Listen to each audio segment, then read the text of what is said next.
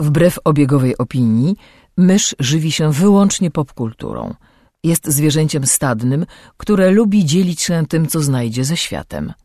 Jej naturalnym sposobem komunikacji jest przerywany śmiechem słowotok. Słuchacie podcastu Myszmasz.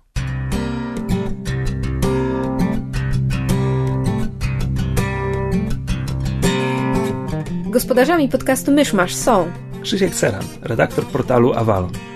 Kamil Borek ze studia Kobart. i Mysz, autorka bloga Mysza Mówi. Drodzy słuchacze, jest 9 marca 2015 roku, 219. rocznica ślubu Napoleona i Józefiny oraz urodziny Jurija Gagarina. Zapraszam do 93. odcinka podcastu Myszmasz. Nie słuchałem ani słowa z tego, z, z tego wstępu, więc nie mam segwayu. E, Znakomicie. To może zacznijmy od tego, żeby przypomnieć wszystkim zainteresowanym, że wypuściliśmy już pierwszy odcinek nagrania z naszej gry w Numenere. E, I wydaje nam się, że jest to ciekawe zjawisko socjologiczne, żeby tego posłuchać. Każdy musi się przekonać. Czy coś się wydarzyło w tym tygodniu? E, W tym tygodniu z newsów em, ciekawych poszła wieść, kto będzie Emmy Watson towarzyszył w em, fabularnej ekranizacji Pięknej Bestii Disneya. W roli Gastona wystąpi Luke Evans, co uważam, że jest fenomenalnym castingiem. Zwłaszcza, że on bardzo dobrze śpiewa. Wszyscy liczą na to, że będzie śpiewał. Natomiast Bestię zagra Dan Stevens, co też jest wyjątkowo fajnym castingiem. I może wreszcie, kiedy Bestia zostaje odczarowany w człowieka, całe kino nie będzie płakać, bo woleli Bestię. No bo to jest zawsze największy problem. Przepani, przepani, przepani. No, Downton Abbey, a ostatnio The Guest, którym A. Kamil się zachwycał, jeśli dobrze pamiętam. Mhm. No. Bardzo, E, bardzo fajny aktor. Czekaj, bo ja dawno nie oglądałem Pięknej Bestii. No. Gaston to taki zły wieśniak, przystojny buc.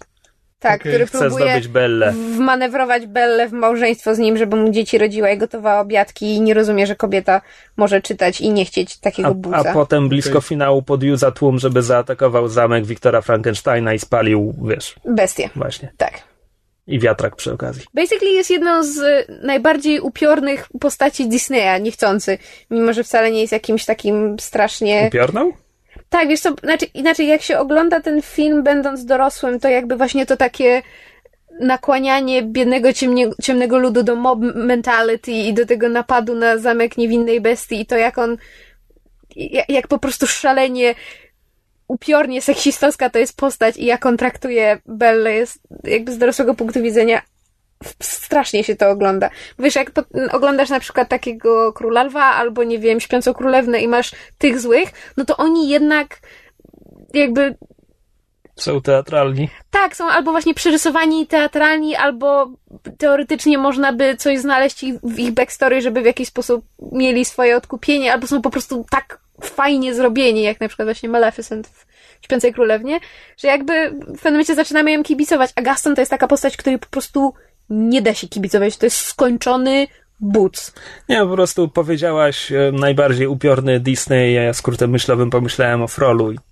Ale Frollo to jest właśnie z tej samej kategorii postaci, właśnie tych takich realistycznie upiornych i przerażających. Ale w ogóle, znaczy akurat mm, Dzwonek z Notre Dame to jest jeden z tych takich bardziej em, ciężkich Disneyów. Znaczy pomijając te, te, Gargulce. pomijając takie filmy jak, e, prawda, nie wiem, Taran i Magiczny Kocioł, czyli takie najmniej popularne, gdzie rzeczywiście Disney poszedł e, bardzo dark, ale to jest film, którego praktycznie nikt nie widział. No, ale tak, w ogóle cie- cieszymy się z obsady, obsady Pięknej Bestii. I widzieliśmy nowy trailer do Avengers. I Vision się pojawił. Uuu, Vision. Pojawił to dużo powiedziane. Widziałeś parę sekund? Widziałeś, nie narzekaj. Znaczy, ja, ja coraz bardziej zaczynam wątpić w to, że, zwłaszcza czytając niektóre wypowiedzi Widona, zaczynam wątpić w to, że uda mu się w tych, w Age of Ultron zrobić to, co mniej więcej mu się dało w, Aven- w, w, w pierwszych Avengersach, to jest, że da każdej postaci chociaż chwilę na ekranie, żebyśmy mogli prawda, z nią tam, nie wiem, sympatyzować, empatyzować czy coś. I, i bardzo tutaj To mu się naciągam prawdę. udało w Avengers? No właśnie, bardzo naciągam prawdę, bo taki biedny Hawkeye to zawsze dostaje krótszy koniec patyka. A, a jakby w Age of Ultron mamy o tyle więcej postaci i, Znaczy, ja wiem, że wszystko zmierza w stronę Civil War i, i pewnie będziemy iść właśnie w ten konflikt już podkreślany w Age of Ultron, ale jakoś... Że już nie, No nie wiem. Słyszeliście, że Avengers mają mieć e, czas trwania filmu, ma rywalizować z Peterem Jacksonem. W jakim sensie? No a słyszałem o wersji 2 godziny 40. Nie wiem, czy to była ostateczna wersja montażowa. Znaczy, słuchaj, no film do obejrzenia na raz, no co za problem. Wiesz, potem... gorsze. Tak, potem wiesz, i tak będzie, będziemy mieć wersję DVD, która będzie miała, nie wiem, 3 godziny 20 albo coś. Albo 2 godziny dodatków. Ja w każdym razie czekam, jestem bardzo ciekawa, jak to będzie wyglądało. Zwłaszcza, że mamy takie fajne dodatki, jak właśnie James Spader, czy biedny niemy Paul Bettany. No, Zawsze coś. Co, czemu nie my? No, podobno rola Visiona ma być nie ma, w sensie Co? Paul Bettany nie mówi. Jaki to ma sens? Mówił jako Jarvis, nie będzie mówił jako Vision? Tak, no właśnie, Bzdura.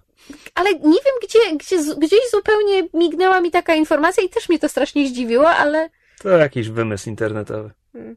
Tak obstawiam. A propos wymysłów internetowych, to teraz spekulacje na temat tego Spidermana to aż nie wiadomo, w którą stronę się odwrócić, bo zależnie na który portal zajrzysz, to każdy twierdzi co innego, że albo, albo będzie biały, albo będzie, będzie, nie będzie biały, albo na pewno będzie Morales, albo kiedy on się pojawi, kiedy się nie pojawi.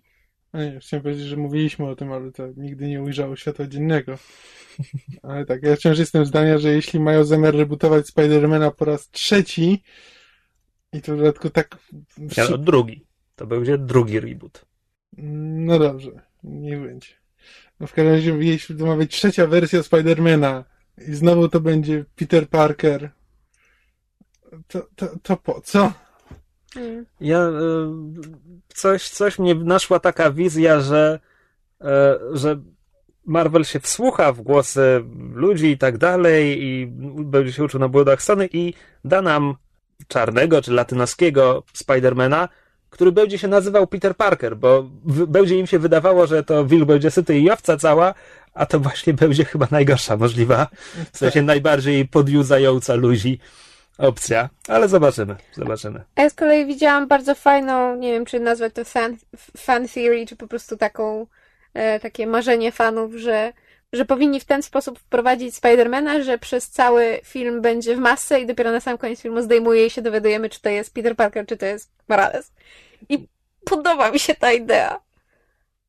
Znaczy, to by miało sens, gdyby na przykład Spider-Man miał się pojawić już w Avengersach, to wtedy jakby jako, wiesz, jako sojusznik nagle znikąd on mógłby być przez cały czas e, w masce, ale jeśli to ma być cały film o Spider-Manie, no to po No prostu właśnie, nie da się go tak. tak nakręcić. No. Tak, ale to było właśnie na, bardziej na zasadzie, że jakby się pojawił w Avengersach jako właśnie dodatek do drużyny i potem dopiero na koniec się dowiadujemy, kto to jest i to prowadzi do filmu, no ale to jakby... Znaczy w Avengers to możemy liczyć na 3 sekundy CGI po, po napisach, bo Mm. jakby No tak, umowa tak. przeszła na tyle późno, że nic więcej, No nic tak, więcej może. nie, nie mogliby zrobić.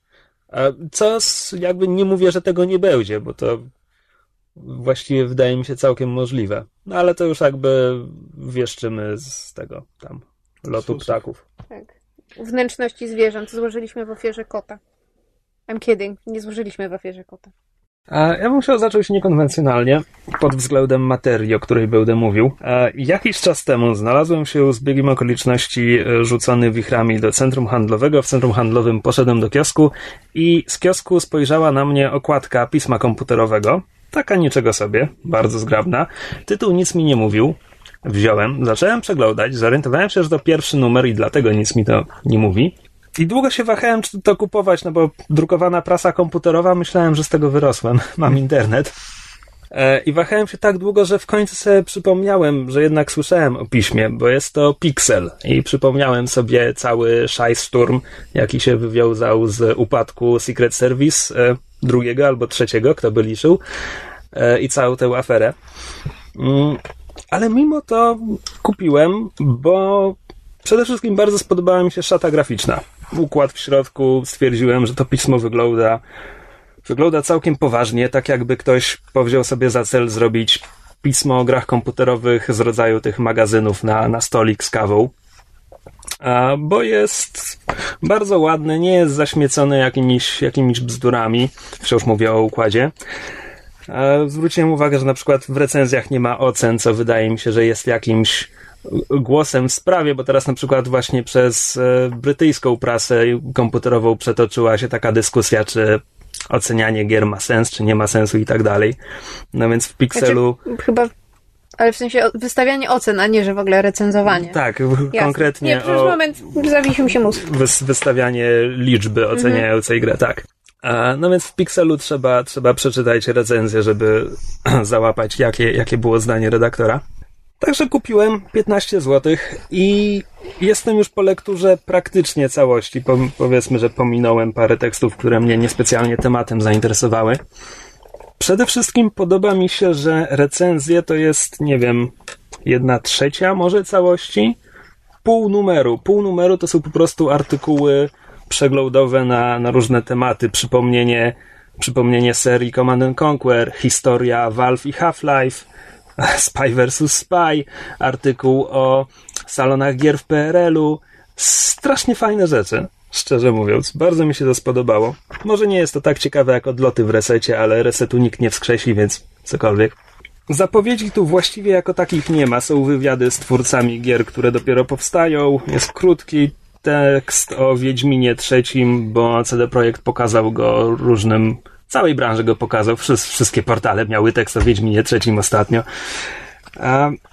I jakby tu nic na plus, nic na minus. Więc ogólnie jestem z tego pisma zadowolony, ale słowo jeszcze nie powiedziałem o recenzjach, z którymi mam chyba największy problem. Po pierwsze, ponieważ to wszystko ma bardzo ładny układ graficzny i te obrazki są ładne i duże, tu jest mało tekstu. Tu jest mało tekstu, w związku z czym większość recenzji gier to jest jedna strona, na tej jednej stronie są, nie wiem, trzy akapity i to jest strasznie krótkie i to jest, to ledwo starcza, żeby, żeby opisać, wiesz, o czym właściwie jest gra i, jakąś podstawę rozgrywki, już nie mówiąc o jakimkolwiek omówieniu. E, więc mam tu na przykład recenzję Game of Thrones od Telltale Games, pierwszego epizodu, która jest bardzo pozytywna, ale jakby nie wspomina o rzeczach, o których wszyscy wspominają, czyli że grafik, że to jest już, że ten że ten silnik graficzny jest stary i nie utrzymuje takiej sytuacji, jak na przykład próbuje pokazać bitwę. Nie ma ani słowa o tym, e, wiesz, rozmazanych, rozmazanych konturach twarzy, o których ja mówiłem. E, nie ma ani słowa o mnóstwie bugów, a wszystkie gry Telltale'a mają bugi, więc jakby ta uwaga powinna się tu znaleźć, ale nie wiem albo recenzent bardzo entuzjastycznie podszedł, albo jemu akurat się poszczęściło i nie miał problemów z grą, albo nie starczyło mu znaków, bo tekst jest króciutki. Więc tak naprawdę, ponieważ już i tak poszli w tym kierunku, gdzie połowa magazynu to są teksty ogólne o branży, tak sobie myślę, że nawet recenzji powinno być mniej, ale za to powinny być dłuższe. I wtedy byłbym zadowolony przynajmniej z formy, um, znaczy z formy wielkości recenzji. Bo jest jeszcze kwestia formy samego tekstu. Ja się to mnie najbardziej ciekawi, I bo tutaj... to jest to, co mnie zawsze najbardziej od, e, odrzuca od polskiej prasy. No więc część, część jest niezła. Do części nie mam zastrzeżeń. Ale niektórzy autorzy, nie wiem kto to, bo niestety tutaj też część podpisuje się samymi ksywami i nie rozumiem tego. Rozumiem, że ktoś drukuje sobie fanzin w garażu i wtedy może się podpisać ksywą, ale w magazynie drukowanym, rozpowszechnianym... No to jest, to, to wiem, jest specyfika wiem, to... polskiej branży i też tego nie rozumiem, bo jakby... Tak, ale tutaj niektórzy podpisują się imieniem i nazwiskiem, a niektórzy nie, więc tutaj jakby... Mhm. No nie wiem, redakcja powinna coś zarządzić w tej sprawie. W każdym razie, więc niektórzy piszą w porządku, a niektórzy, jakby to ująć, mam tekst, gdzie mam wrażenie, że co trzecie zdanie kończy się trzykropkiem. A w ogóle jest, nadużywają wykrzykników, a jak ktoś chce pokazać, że mu coś się bardzo podobało, to nagle widzę potrójny wykrzyknik. W recenzji Game of Thrones widzę, że ktoś pisze, że gra jest wyborna. Jak to pisze? Dzieli wyraz wyborna na sylaby i po nim dostawia trzy wykrzykniki. Jeśli to ma być poważne pismo o grach komputerowych, a stylistycznie wygląda jak blog jakiejś trzynastolatki, to coś jest nie halo. Mhm. I tutaj, przepraszam, trzynastolatki, które ewentualnie nas słuchają. No. A, I ja wiem, że to jest, że tak się w polskiej prasie pisze o grach komputerowych. Pamiętam, jak w latach 90. czytałem różne rzeczy i tak to było pisane. I okej, okay, no miałem wtedy te 10 do kilkunastu lat i może mi to nie przeszkadzało. Mam teraz więcej, a Pixel jest skierowany do ludzi, którzy mają jeszcze więcej lat ode mnie, bo w tym numerze mamy teksty o ZX Spectrum, o Atari. Umówmy się, to jest gazeta do 40-latków i jednak teksty powinny być redagowane na tym samym poziomie. Mhm. Bo tutaj oczywiście rozumiem, że to jest styl niektórych ludzi. Zresztą wydaje mi się, że niektóre ksywy poznaje i to są ludzie, którzy piszą od dawna. Mniejsza z tym. Jeśli, jeśli wydają pismo, które naprawdę wygląda bardzo porządnie i tematycznie wydaje się, że próbuje być czymś innym niż skierowane do gówniarzy City Action. Przepraszam wszystkich gówniarzy, którzy nas słuchają no to mimo wszystko powinni byli zatrudnić jakiegoś redaktora, który może nie jest z branży gier, ale za to redagował już jakieś porządne pismo. Mhm. Bo to jednak. No mówię, no to jest problem, z którym znaczy największy problem, czytając właśnie polską prasę komputerową i jest to też powód, dla którego się wolałem przyjść na blogi i też raczej trzymam się tych zagranicznych, no bo właśnie jakoś tak nie wiem z czego to wynika, ale może z jakiegoś założenia, że gracze nigdy nie dorastają i redaktorzy też nie dorastają i nie chcą dorosnąć i chcą właśnie pisać tak, jak pisali, kiedy mieli 17 lat. Nie wiem, naprawdę nie wiem, no. coś w tym jest dziwnego i już mi też to, mi też to już zaczęło przeszkadzać. Może, może, może, może są jakieś inne powody. W każdym razie pomimo tego, pomimo tego, że czasami zgrzytałem zębami widząc takie zabiegi, e, to Pixel spodobał mi się na tyle, że poważnie myślę, żeby, żeby kupić drugi numer. Zwłaszcza jeśli cena się utrzyma, jeśli to będzie cały czas 15 zł, zapewniło mi sporo lektury. Hmm. No, to tyle. To chyba pierwszy raz recenzowaliśmy magazyn. Mam nadzieję, że nie powtórzymy tego za szybko. W przyszłym tygodniu gala. Wyjdź. Trzymamy się gier? A, możemy. E, bo ja mam dwie małe gierki, bardzo indie i obie są proceduralnie generowane, mm, czyli takie dla, e, które o, widzę, że mysz robi bo to nie brzmi jak to nie brzmi jak fraza, która powinna istnieć. No to jest bezpośrednie tłumaczenie z angielskiego, ale z, e, no, chodzi o to, że za każdym razem, kiedy rozpoczynasz nową grę, wygląda trochę inaczej. Znaczy, zazwyczaj to się sprowadza do poziomów, że poziomy mają inny układ i składają się z innych bloczków. Na bazie pewnych reguł zapisanych w kodzie gry, gra sama tworzy jakąś poziom. tam przygodę albo poziom. Tak. tak. Więc za każdym razem, gdy zaczynasz taki poziom, będzie on wyglądał inaczej niż poprzednio. Ale jest jakaś skończona liczba takich scenariuszy, czy teoretycznie nie? Teoretycznie, teoretycznie nieskończona, nie. tak. To zazwyczaj jest właśnie z takich bloczków, że na przykład jest, wiesz, jeśli masz, mogą być jakby całe kampanie jakby tak generowane i na przykład są jakieś przygody i na przykład ktoś ci zleca coś, e, no ale to wtedy masz jakby ograniczoną liczbę scenariuszy, ale one są w nieograniczonej liczbie kombinacji przedstawiane. No i, e, i obie są, i obie czerpią bardzo mocno z gier e, tak zwanych roguelike.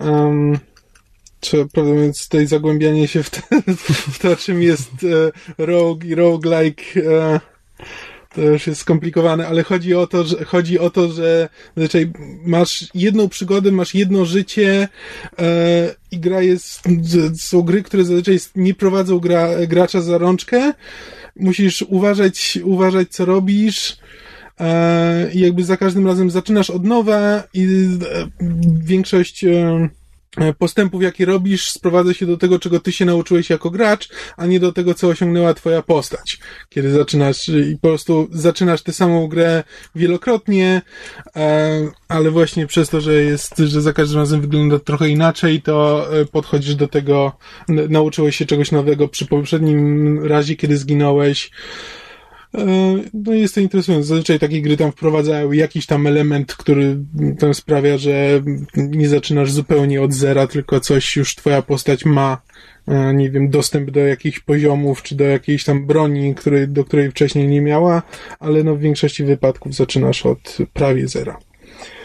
E, pierwsza z tych gier to jest, ona jest jeszcze w fazie Early Access, prostu jest udostępniona graczom, ale jeszcze nie jest nieskończone i twórcy będą dodawać nowe funkcjonalności. Jest jeszcze na takim etapie, że nawet nie jest na Steamie. Przepraszam, nowe co? Funkcjonalności. Znaczy, funkcjonalność to cecha, ale nie chodzi po prostu o nowe funkcje? Nie, ale to może być kwestia tego, że to jest u mnie w pracy to jest jedno z podstawowych słów. A, okej, okay, okej, okay, dobra. Nie, nie, nie, nie, wnikam w korporację. Dobra, nie speak. I co tak. to właściwie jest? Bo chyba jeszcze nie powiedziałeś. Nie powiedziałem. E, Curious Expedition to się nazywa. E, I to jest gra technicznie rzecz biorąc turowa, e, gdzie masz e, z, z lotu ptaka masz, e, wszystko jest pik, pikselowa grafika, wyruszasz w podróż. Taką podróż Ale wcześniej 17 musisz zabrać drużynę. Przepraszam. taką podróż z czasów Darwina, znaczy odkrywanie jakichś, no, jakiegoś, jakichś nowych ziem, nowych gatunków, nowych ludów. E, zazwyczaj przed, przed wyruszeniem w podróż wybierasz jedną z e, postaci, która tam się właśnie odblokowuje e, z biegiem gry. A jest to postaci historycznych naukowców. Tak, dobra, tam jest tak, Tesla, jest tam Ada Lovelace, to te czasy Darwina są chyba tak dość ogólnikowe. tak, bo to jest z różnych, dlatego właśnie tak nie bardzo wiedziałem, co powiedzieć, bo tam są... No, wie, no wiecie, czasy Darwina i Tesli. Tak, no, no właśnie tak to wygląda, że mamy... Z, e, e, ale mamy, mamy właśnie prawdziwych, prawdziwych naukowców i każdy z nich ma jakiś tam, jakąś cechę, która mu e, pomaga e, w podróży. I cała mechanika polega na tym, że mamy wielką mapę właśnie jakiejś nieodkrytej ziemi. Na tej mapie są wioski e, rdzennych ludów, są tajemnicze świątynie, z których możemy ukraść ich na przykład święte figurki, ale to... Chcesz powiedzieć, że to jest gra, w której Nikola Tesla może być Indianą Jonesem? Tak. To brzmi dobrze.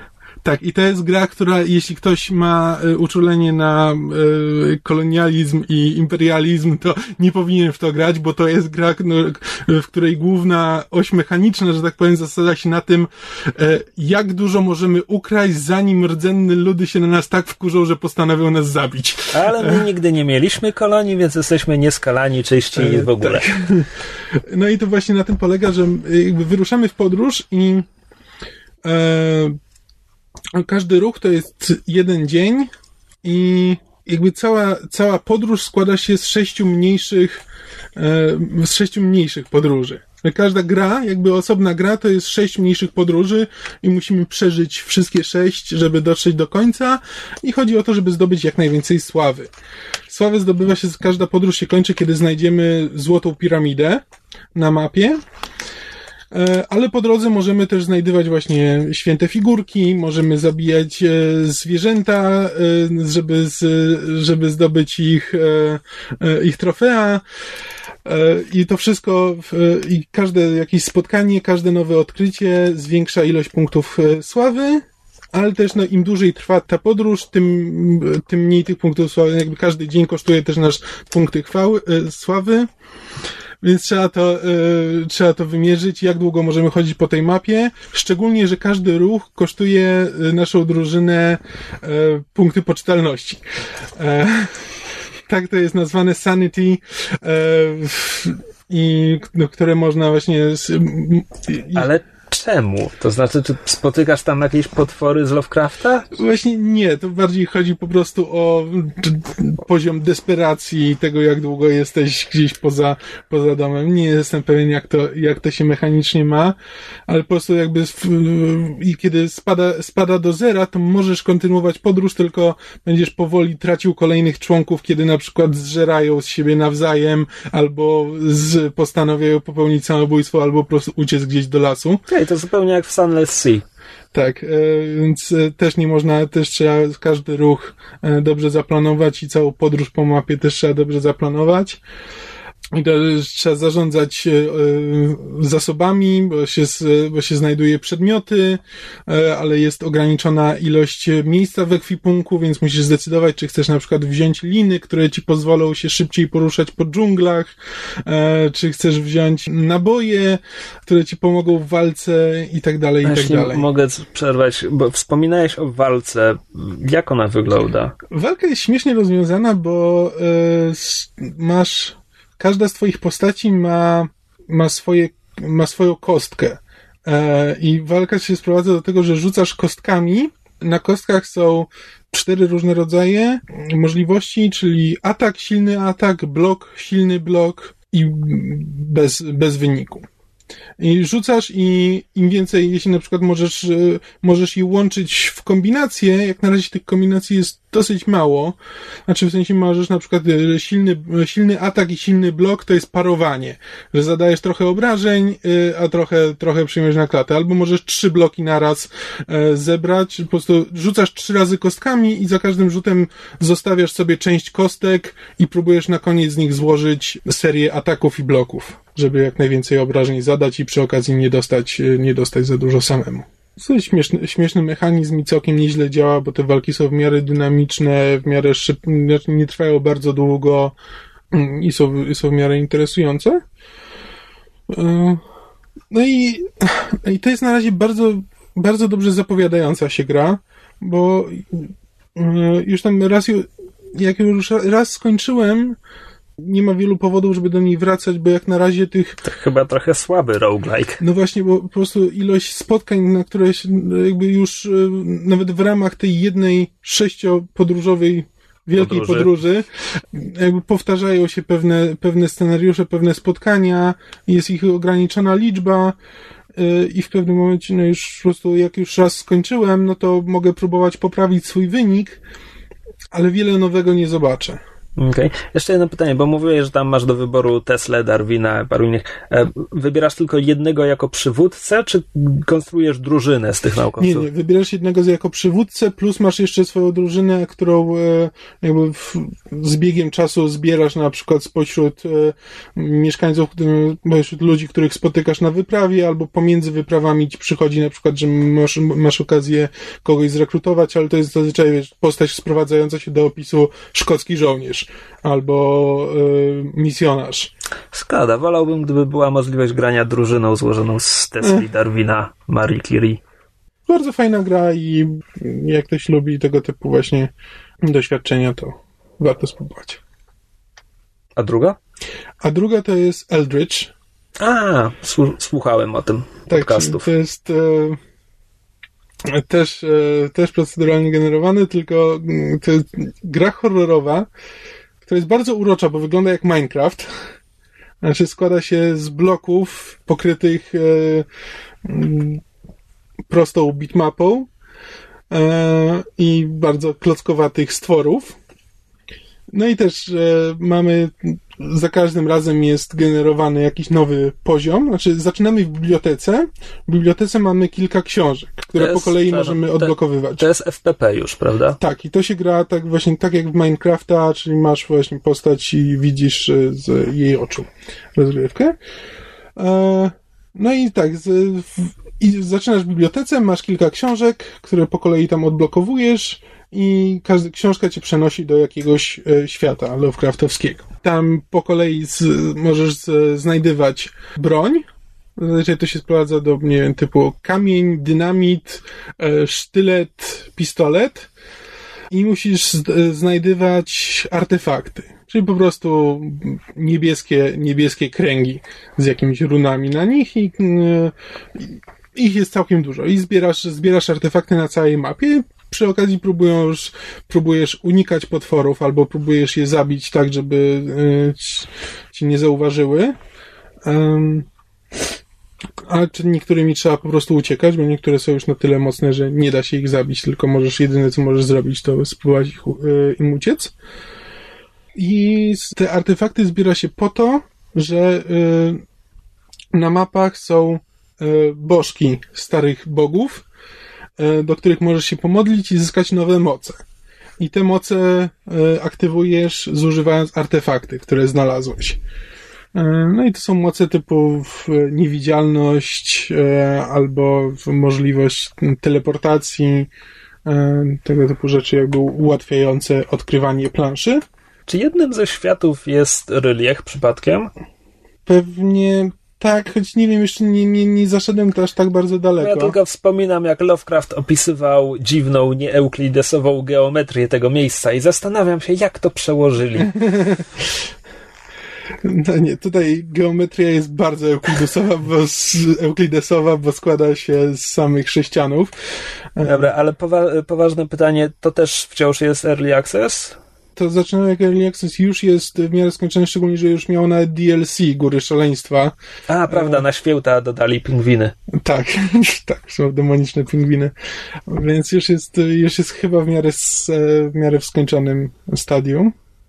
No i jak na razie, no, jak na razie to jedną krainę zwiedziłem i udało mi się dostać do następnej, e, która już się okazało, że jest znacznie trudniejsza, bo przez moment już e, zacząłem się martwić, bo, bo w momencie, kiedy znalazłem sztylet, to już zasadniczo mogłem pozabijać wszystkie stwory na planszy w tej pierwszej krainie. Ale potem trafiłem do tej drugiej i tam już się robi, te, po pierwsze stwory są dziwniejsze, bo na przykład natknąłem się na jaszczur, znaczy są jaszczuroludzie i oni są w miarę łatwi do zabicia, tam strzelają w ciebie jakimś kwasem, ale, te, ale to wszystko, ale też w którymś momencie znalazłem na przykład e, kamienną statuetkę e, takiego jaszczuroludzia, która nagle się jakby poruszyła, ale, ale została w miejscu. Więc ciachnąłem ją parę razy sztyletem, ale nic się nie stało. Więc się odwróciłem, a wtedy mnie zabiła. Gdybyś oglądał doktora Hu, to nie tak, popełniłbyś takiego błędu. Ale dokładnie tak to wygląda, że musisz iść tyłem do niej, patrząc się cały czas na nią i dopiero jak stracisz ją z oczu, dopiero jak stracisz jakby linię wzroku z nią, to możesz się odwrócić i iść dalej. Wtedy już się nie będzie ścigała. Ale dopóki, dopóki masz ją, w, dopóki jakby jest w twojej linii wzroku, to musisz cały czas na nią patrzeć, jeśli chcesz gdzieś dojść. I tego, to jest bardzo, bardzo fajny smaczek i mam nadzieję, że tego typu rzeczy będzie więcej niż takich ciekawych pomysłów.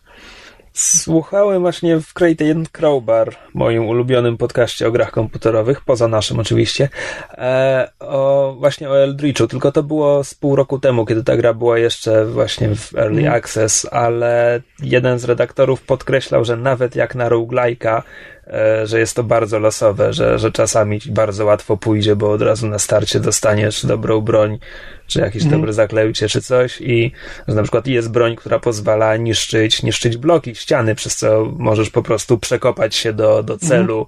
w linii prostej, omijając wszystkie niebezpieczeństwa. Tak. Tak, tak, to jest takim bardzo...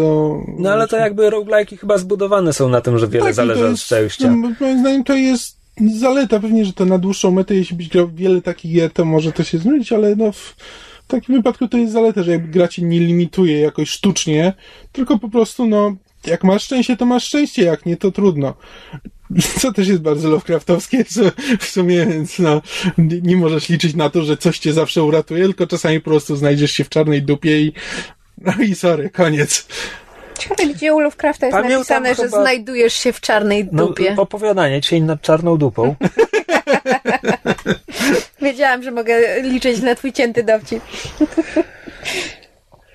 E, ale nie, naprawdę bardzo, bardzo jest to interesujące przeniesienie jakby z, tego horroru, szczególnie, że jest to w miarę napięte. Jak już jesteś w takiej ciężkiej sytuacji, to potrafisz, to człowiek się rzeczywiście spina i martwi, co będzie za następnym rogiem i czy nie wypadnie na jakiegoś galaretowego stwora. Albo jest... ciemną dupę. Czy to jest aż takie napięcie, żeby porównać to do Dark Corners of the Earth? Nie, nie, bo to mimo wszystko trzeba traktować z przymrużeniem oka, no bo jednak ciężko się bać tych bloków i e, patykowatych postaci, e, więc to bardziej jest tak e, wyobraźni się boisz niż rzeczywiście, niż rzeczywiście odczuwasz jakiś strach, ale, ale jakby klimat takiej przygody właśnie w świecie, w tych otherworldach powiedzmy, to coś, coś w tym jest. Bardziej właśnie taka przygoda w stylu Arkham Horror, gdzie jakby masz postaci z karabinami i masz walkę z tymi potworami niż oryginalne opowiadania Lovecrafta, które bardziej się działy w psychice bohatera, a nie, nie, nie było tam fizycznych Tak, ja konfliktów. właśnie jakoś nie pamiętam tego bezdomnego z dynamitem. Dokładnie, no że właśnie to są takie już te późniejsze już po Lovecrafcie te, te um, historie w jego świecie niż, niż oryginalny Lovecraft, ale z, ale klimat w tym jest i jest on interesujący, nawet jeśli to nie jest ten, ten oryginalny smak. Szaleństwa. Tak. Zmieniając e, ten tam medium, e, skończyły się dwa seriale, które oglądałem jeszcze. I Definitywnie? Za, no, pff, nie wiadomo. Skończył się Konstantin i jego losy wciąż się ważą. To znaczy, na razie nie wiadomo nic. Były plotki, że zmienią tytuł na Hellblazer i przerzucą na kanał bodajże Sci-Fi, ale ponoć to były tylko plotki, a nie przecieki. A, a sama właściwa telewizja, zabij nie pamiętam która, e, NBC? możliwe, wciąż nie podjęła decyzji co do dalszych losów. Jedną decyzję podjęła parę miesięcy temu, kiedy stwierdziła, że, że serial nie dostanie pełnego sezonu i dlatego skończył się na 13 odcinkach. E, więc to, to nie jest najlepszy zwiastun No. na dalsze te. Natomiast e, o samym serialu.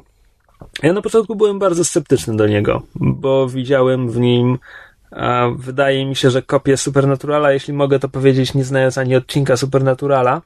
Znaczy myślę, że możesz, bo bardzo wielu fanów Supernaturala jest teraz zagorzałymi fanami Konstantina, czy Konstantina i właśnie od nich e, zaczęłam z tego, że tak powiem, obozu słyszeć coraz bardziej entuzjastyczne głosy właśnie na temat tego serialu. Jeśli tylko przestali mówić, że bohater ubiera się jak Castiel, to już mi... Nie no, jakby to, to te konotacje były już od, od samego początku i były długie dyskusje, kto od kogo kopiował, ale jakby e, Naprawdę to zauważyłam... były długie dyskusje. O, i fandom naprawdę jest się w stanie przypieprzyć do dowolnego szczegółu. Ale okładka z lat 80. Ale no, nie szkodzi, no ludzie jak nie znają pierwowzoru, to będą myśleli, że wszyscy, wszyscy kupimy po ich ukochanym serialu, natomiast to, to, co mnie jakby za, zainteresowało i zaintrygowało, to jest właśnie to, że podobno Owszem, że, że serial zaczyna tak średnio i nie bardzo było Znaczy, wiadomo, co o średnio. tym Ja myśleć, ja a potem było systematycznie coraz lepiej. Powiedziałbym, że zaczynał się po prostu źle. Od, od tego, jak wiesz, jak pilot był pilotem do trochę innego serialu z trochę inną główną bohaterką obok, obok Konstantina, e, która w bardzo sztuczny sposób zostaje wykopana i ten, i zastąpiona nową. E, też telewizja postanowiła wyemitować drugi i trzeci odcinek, zamieniając je, bo tak, i to też do, trochę do siebie nie pasowało. Mm, Przede wszystkim nie leżało mi ujęcie bohatera, bo jakby ten serialowy Konstantin był jakiś taki. Okej, był nieprzyjemny, ale mimo to był po prostu zbyt dobry i to mi nie, nie leżało.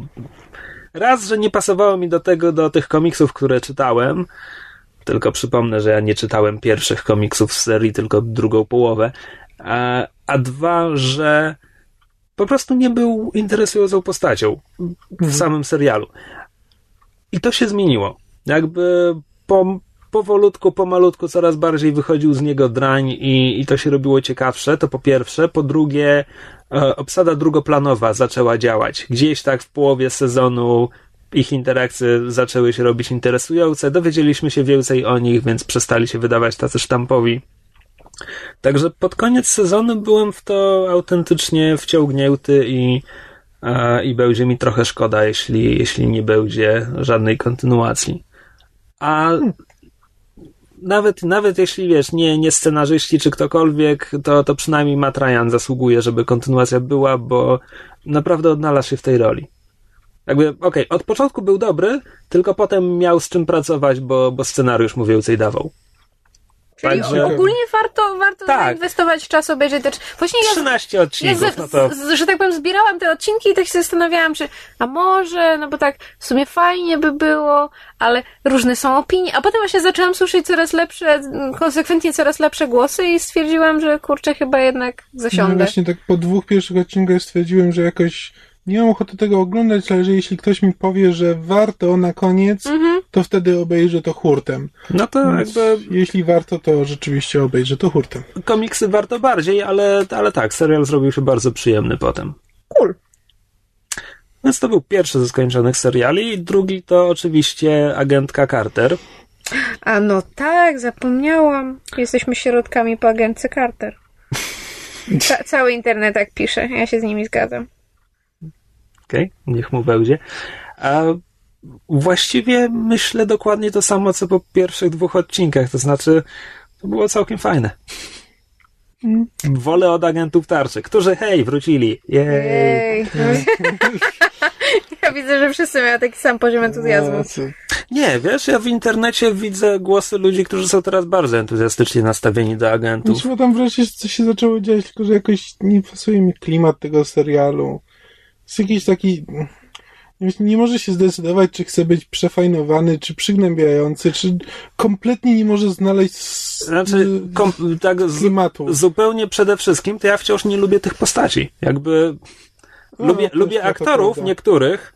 Lubię Migna Wen, e, chciałem powiedzieć Colsona, e, ale to jakby postaci... Clarka Grega, też mi to chwilę zajęło. Pos, postaci mnie kompletnie nie interesują. E, i wciąż, w połowie drugiego sezonu, wciąż jestem przekonany, że Phil Coulson to nie jest materiał na pierwszoplanową postać. Nigdy nie był w filmach. I jakby jego urok w filmach polegał na tym, że on stoi z boku i, i się mm. uśmiecha.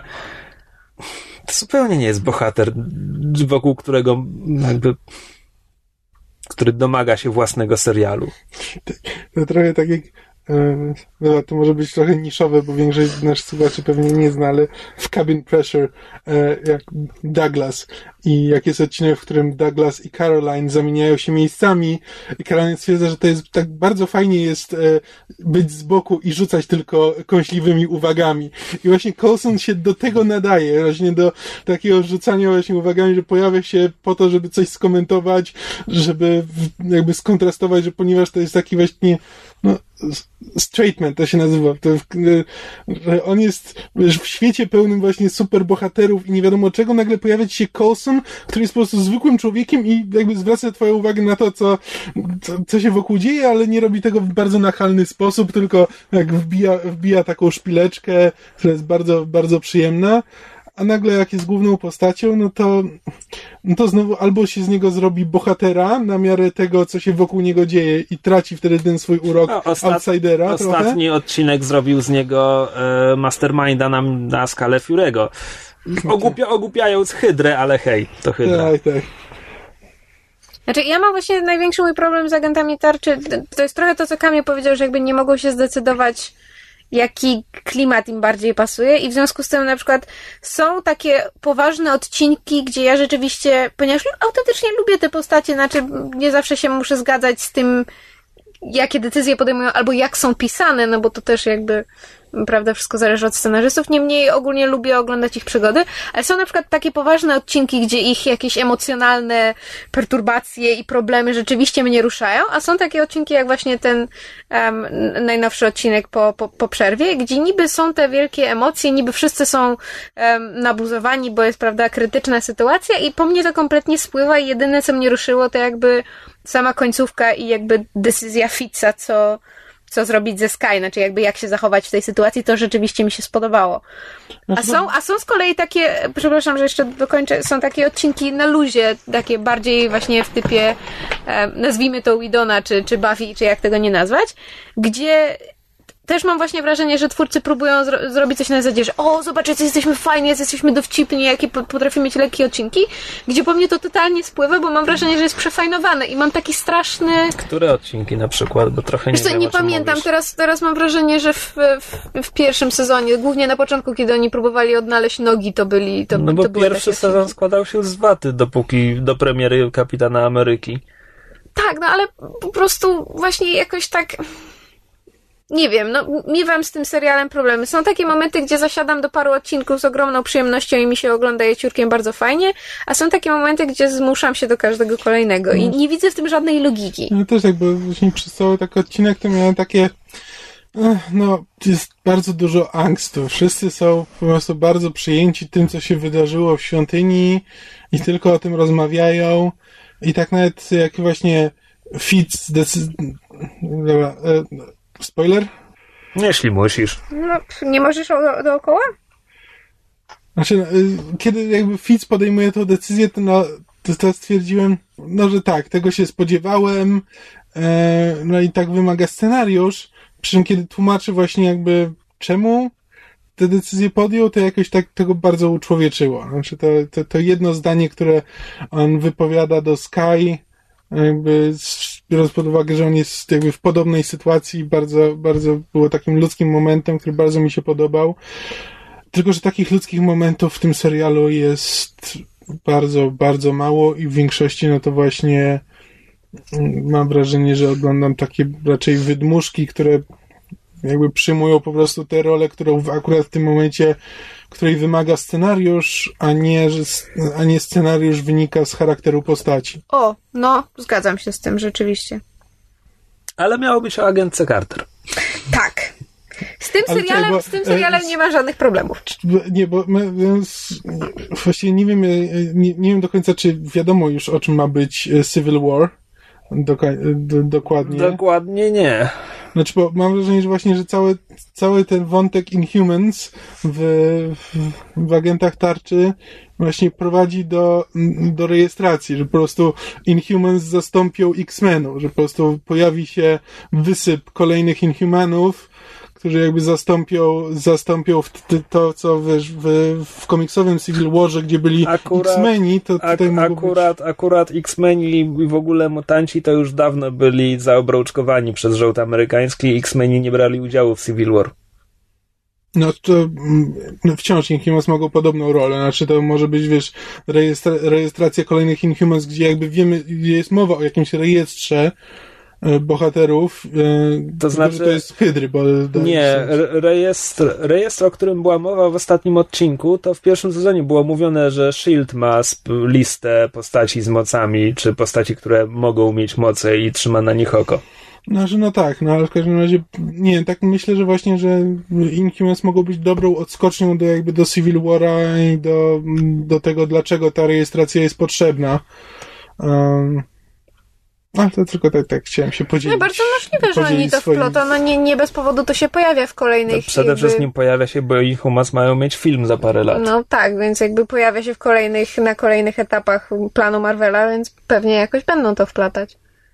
Ale przejdźmy do agentki Carter. A jeszcze tak chciałbym rzucić uwagę, nawet nie konkretnie o agentach Tarcz, tylko jest coś takiego, że Agenci to jest serial mimo wszystko o Wielkim Bracie. Pierwszy sezon był trochę bardziej i, i on nam mówił, że Wielki Brat jest dobry, bo się nami opiekuje.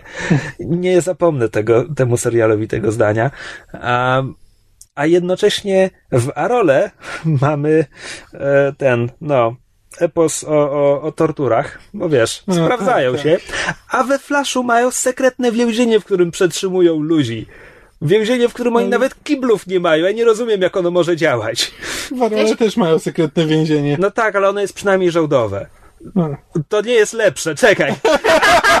ale przynajmniej mają kible. Padłeś w pułapkę własnego rozumowania. Ja się z kolei przy więzieniu we Flashu zastanawiam, o kiblach nawet nie pomyślałam. Moja pierwsza myśl była, How do they feed them? Znaczy, w sensie, jak oni jedzenie, bo tam na przykład... Znaczy, przy niektórych postaciach jestem w stanie uwierzyć, że wiesz, gość, który jest formą gazową, że on nie potrzebuje ani jeść, ani korzystać z kibla, no ale mają panią, co się teleportuje i ona już zdecydowanie potrzebuje i jednego i drugiego i serial się słowem nie zajął, kto na ten temat. Skoro jesteśmy przy więzieniach i przy Arole, to ja bym chciał tylko się podzielić, to, to jest spoiler, ale to jest mały spoiler i nieważny spoiler, ale tak mnie wkurzyła scena w więzieniu, w którym w jednym momencie Oli stwierdza, że e, nie, to jest, nie wydostaniemy się z tego więzienia, to jest cała masa redundantnych zabezpieczeń e, z kolejnych, które jedno zabezpieczenie chroni kolejne zabezpieczenie, ale wystarczy, że ktoś ma no, wyjątkowo dług, trochę dłuższe ramię niż normalny człowiek i może się wydostać ze swojej celi. To jest... To, to, to, no nie, no come on, no kto projektował to więzienie? Nie, mnie teraz, mnie teraz Arrow zdziwił głównie tym, że pierwszy sezon był o Batmanie z łukiem, drugi sezon bardzo ładnie odszedł od tej wizji, a teraz w trzecim sezonie dostajemy wątek fabularny prosto z komiksów o Batmanie i nie rozumiem, co on tam robi, ale hej. Co, Nie, co im wrażenie, się że po podoba. prostu twórcy, e, twórcy na złość robią DCU. DC im zabroniło korzystać z Batmana i Supermana i w ogóle nawiązywać do Batmana i Supermana i do ich wątków, więc po prostu robią wszystko, co mogą, żeby zrobić z tego serialu serial o Batmanie tylko po to, żeby wkurzyć jakiegoś producenta w DC, który im zabronił tylko z, i wyłącznie z nastoletniego buntu. Właśnie No. dlatego nie mogę oglądać Arrowa, bo jest za bardzo po, za poważny. Nie mogę, nie mogę. Ja wiem, że pewnie kiedyś coś On muszę nie jest poważny. Ale rozmawialiśmy już na ten temat. Ja po prostu patrzę na tego biednego o, o, Olivera, który po prostu jest taki. No, słowo daje, zaraz mi zacznie płakać jak Batman, że jest sierotą. No po prostu bardziej przygnębiającej pracy sobie znaleźć nie mógł. Naprawdę mam ochotę mu po prostu wręczyć misia, rożek z lodami i zabrać go na cały dzień do wesołego miasteczka, żeby się kurwa chociaż na moment uśmiechnął. Dlatego wolę Flasha, bo Flash przynajmniej jest już cało, w całości po bandzie. Znaczy, no jest szansa, że Roy Palmer trochę wniesie e, takiego No tak, że on, komiksowego, on, flashowego. on, zaraz, on zaraz ucieka do swojego spin-offu. A, Znaczy nie swojego, bo teraz przerobili, to już nie będzie serial tylko o nim, tylko to będzie serial team-upowy o nim, Firestormie i jeszcze dziwniejszych ludziach. Coś dziwne są te zapowiedzi. No, to skoro tak dobrze nam się gada o agentce Carter, Wyjdź. Nie, poważnie. em, to było przyjemne 8 odcinków. I ja myślę, że ba- dużo bardziej bym wolał agentów tarczy, gdyby oni mieli 8 odcinków, zwłaszcza w pierwszym sezonie, bo po prostu nie mieli fabuły na te 22, czy ile to było. A, więc to było przyjemne 8 odcinków. Aktorsko był bardzo fajny. Hayley Atwell była super, e, James Darcy był rewelacyjny. Oni razem byli świetni. Fantastyczny. To wszystko było fajne. Ten wątek kobiety w męskim świecie był całkiem nieźle poprowadzony. Jakby z wielu różnych wątków w tym serialu ten mógł być jednym z najlepiej poprowadzonych. Bo Znaczy, mi się podobało, że był na bardzo wielu jakby płaszczyznach i na takich większych i takie mniejsze, subtelne tak, tak. I, i ci były. m- męscy szowiniści też byli dość trójwymiarowymi postaciami po Och, paru to mi się odcinkach. strasznie spodobało. W ogóle naprawdę nigdy nie myślałam, że to powiem, ale Chad Michael Murray potrafi nawet grać i jestem w ciężkim szoku. Nie pamiętam, który to. Um, nie Susa, tylko ten drugi. Ten blondyn. Thompson. Thompson, tak, dziękuję. On grał wiele, wiele lat w serialu One Tree Hill i był znany z tego, że kompletnie nie umie grać. No proszę. Natomiast, e, bo mówię o wielu wątkach, bo jakby się przyjrzeć po prostu wątkom fabularnym i intrydze, to ona dla mnie trochę nie miała sensu. W sensie mamy obiecaną wielką rosyjską złą organizację Lewiatan, po prostu radziecką hydrę, która okazuje się być jednym niemieckim e, hipnotyzerem, który się mści za śmierć brata. Tak, i jakby, To jakby kompletnie co im się stało? Rozleciało im się to w rękach kompletnie. jakiś zupełnie ten to, wątek co, gdzieś... co, co James Frayne miał wspólnego z On sobie był, fabułą? tam by, wiesz, był tylko po to, żeby tam były jakieś sekwencje akcji, ale kompletnie na niego nie zwracałem uwagi, bardziej mnie interesowało właśnie to, co się działo z Peggy Carter i e, z Jarvisem. Tak, bo wszystko, wszystko inne było spoko, tylko biorąc pod uwagę, że to technicznie rzecz biorąc jest serial szpiegowski, to intryga się rozleciała kompletnie.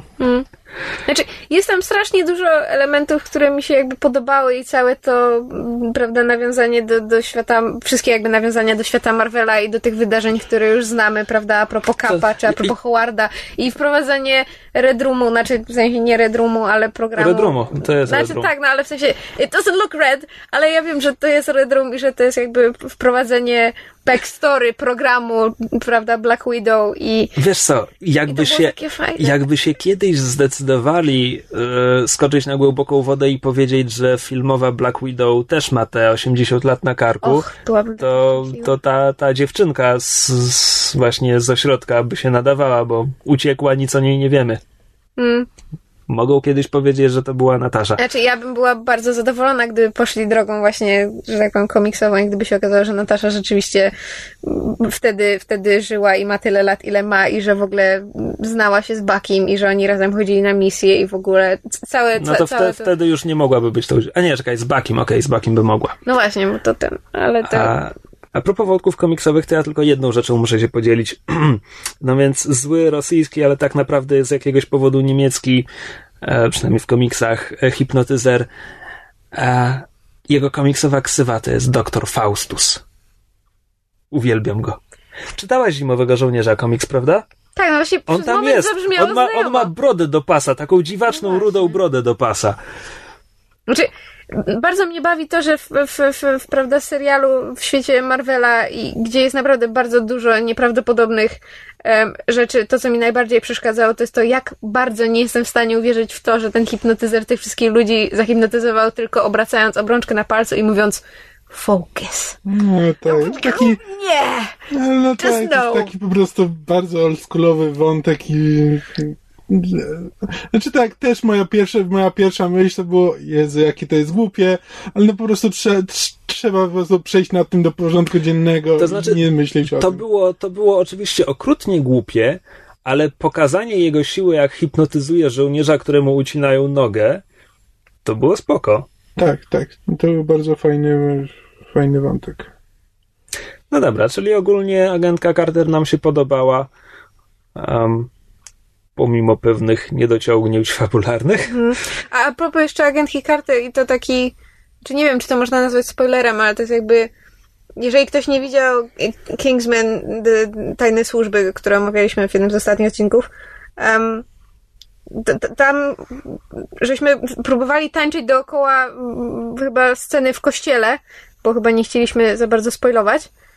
Em, I tak na upartego zresztą pojawiły się takie teorie w internecie, że e, właśnie wątki z agentki Carter a propos tej, tej broni wykradzionej przez, przez Lewiatana z, z, od Howarda Starka, że jakby to się właśnie wpasowuje w, e, w świat Kingsman. Znaczy, jakby. Co? Aha, ktoś sobie łączy we własnej głowie, że to jest jedno uniwersum, tak? To, znaczy, to w sensie tak, że jakby jedno, jedno z drugim może mieć coś wspólnego na jakimś, wiesz, dalekim mm, planie, czy, czy w jakiejś alternatywnej rzeczywistości.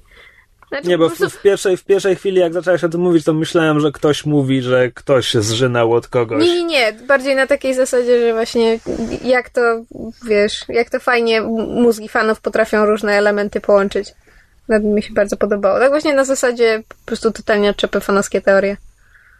Ale tak, agentka Carter- jest super i znaczy, mnie po prostu się tak strasznie podoba, jak są rozgrywane wątki jakby Peggy i innych postaci. Znaczy, bo wbrew pozorom wątek Peggy i, i, i- Starka mnie najmniej interesuje, mimo że jakby ich przyjaźń jest zarzewiem co, całego... no bo on, bo on od początku jest jasny i oczywisty. Jakby wiemy, że Howard Stark nie zdradził i to jest takie... Tam nie ma zaskoczenia. Niby próbowali wprowadzać ten konflikt o krew Steve'a i tak dalej, ale to widać było, że to jest zastępcze, że Mhm. pomiędzy nimi tak naprawdę nie da się No właśnie, popsuć dlatego to jakby, znaczy doceniam, że próbowali coś z tym zrobić, w jakiś sposób podnieść napięcie i, i tak jak bardzo mi się podoba, prawda, bromans e, Peggy i Jarvisa i bardzo mi się podoba, że, że jakby ta relacja zawsze taka będzie, że, że twórcy nie próbują żadnego romansu robić i nie będą robić, bo Jarvis kocha swoją żonę i w ogóle tak fajnie jest mieć postać, która jest wierna swojej małżonce. E, natomiast bardzo mi się podobały jakby relacje Peggy właśnie w pracy, czyli z, z, z kapitanem, czy, czy jak on tam się nazywał? Że on miał jakiś tam Chief, nazywał Tak, się Chief. Z, z szefem i, z, i właśnie z Susą i z Thompsonem. I bardzo jestem ciekawa, dlatego że w internecie są bardzo długie i szczegółowe spekulacje na temat tego, kto się okazuje, znaczy, czy i który z nich może być przyszłym mężem Peggy.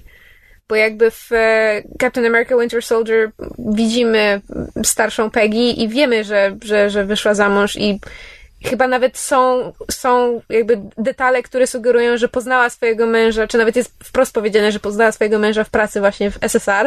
I Tak, zaczęły ale- się już spekulacje na temat tego, który, który z nich to jest. Jestem bardzo ciekawa. w Winter Soldierze było też mówione, że Kapitan Ameryka uratował mu życie w czasie wojny. Więc to prawie, znaczy Thompson odpada, a nie, nie wiadomo, czy Suza spotkał kapitana, czy nie. No chyba, że to jest, wiesz, jakoś potem będzie, jeżeli w ogóle będzie drugi sezon albo coś, to będzie jakoś prowadzone na zasadzie, że nie znaliście wszystkich elementów układanki i jest coś, czego żeśmy wam nie powiedzieli. Znaczy po prostu bardzo mi się Tak, podoba albo to to... będzie na zasadzie, że e, kapitan Ameryka uratował mu życie, inspirując go do Tak, tego, by e, przeżyć, e, nie wiem, był wzorem do naśladowania. tak. Znaczy, bardzo mi się podoba, jakby podobają spekulacje jakby po takim czysto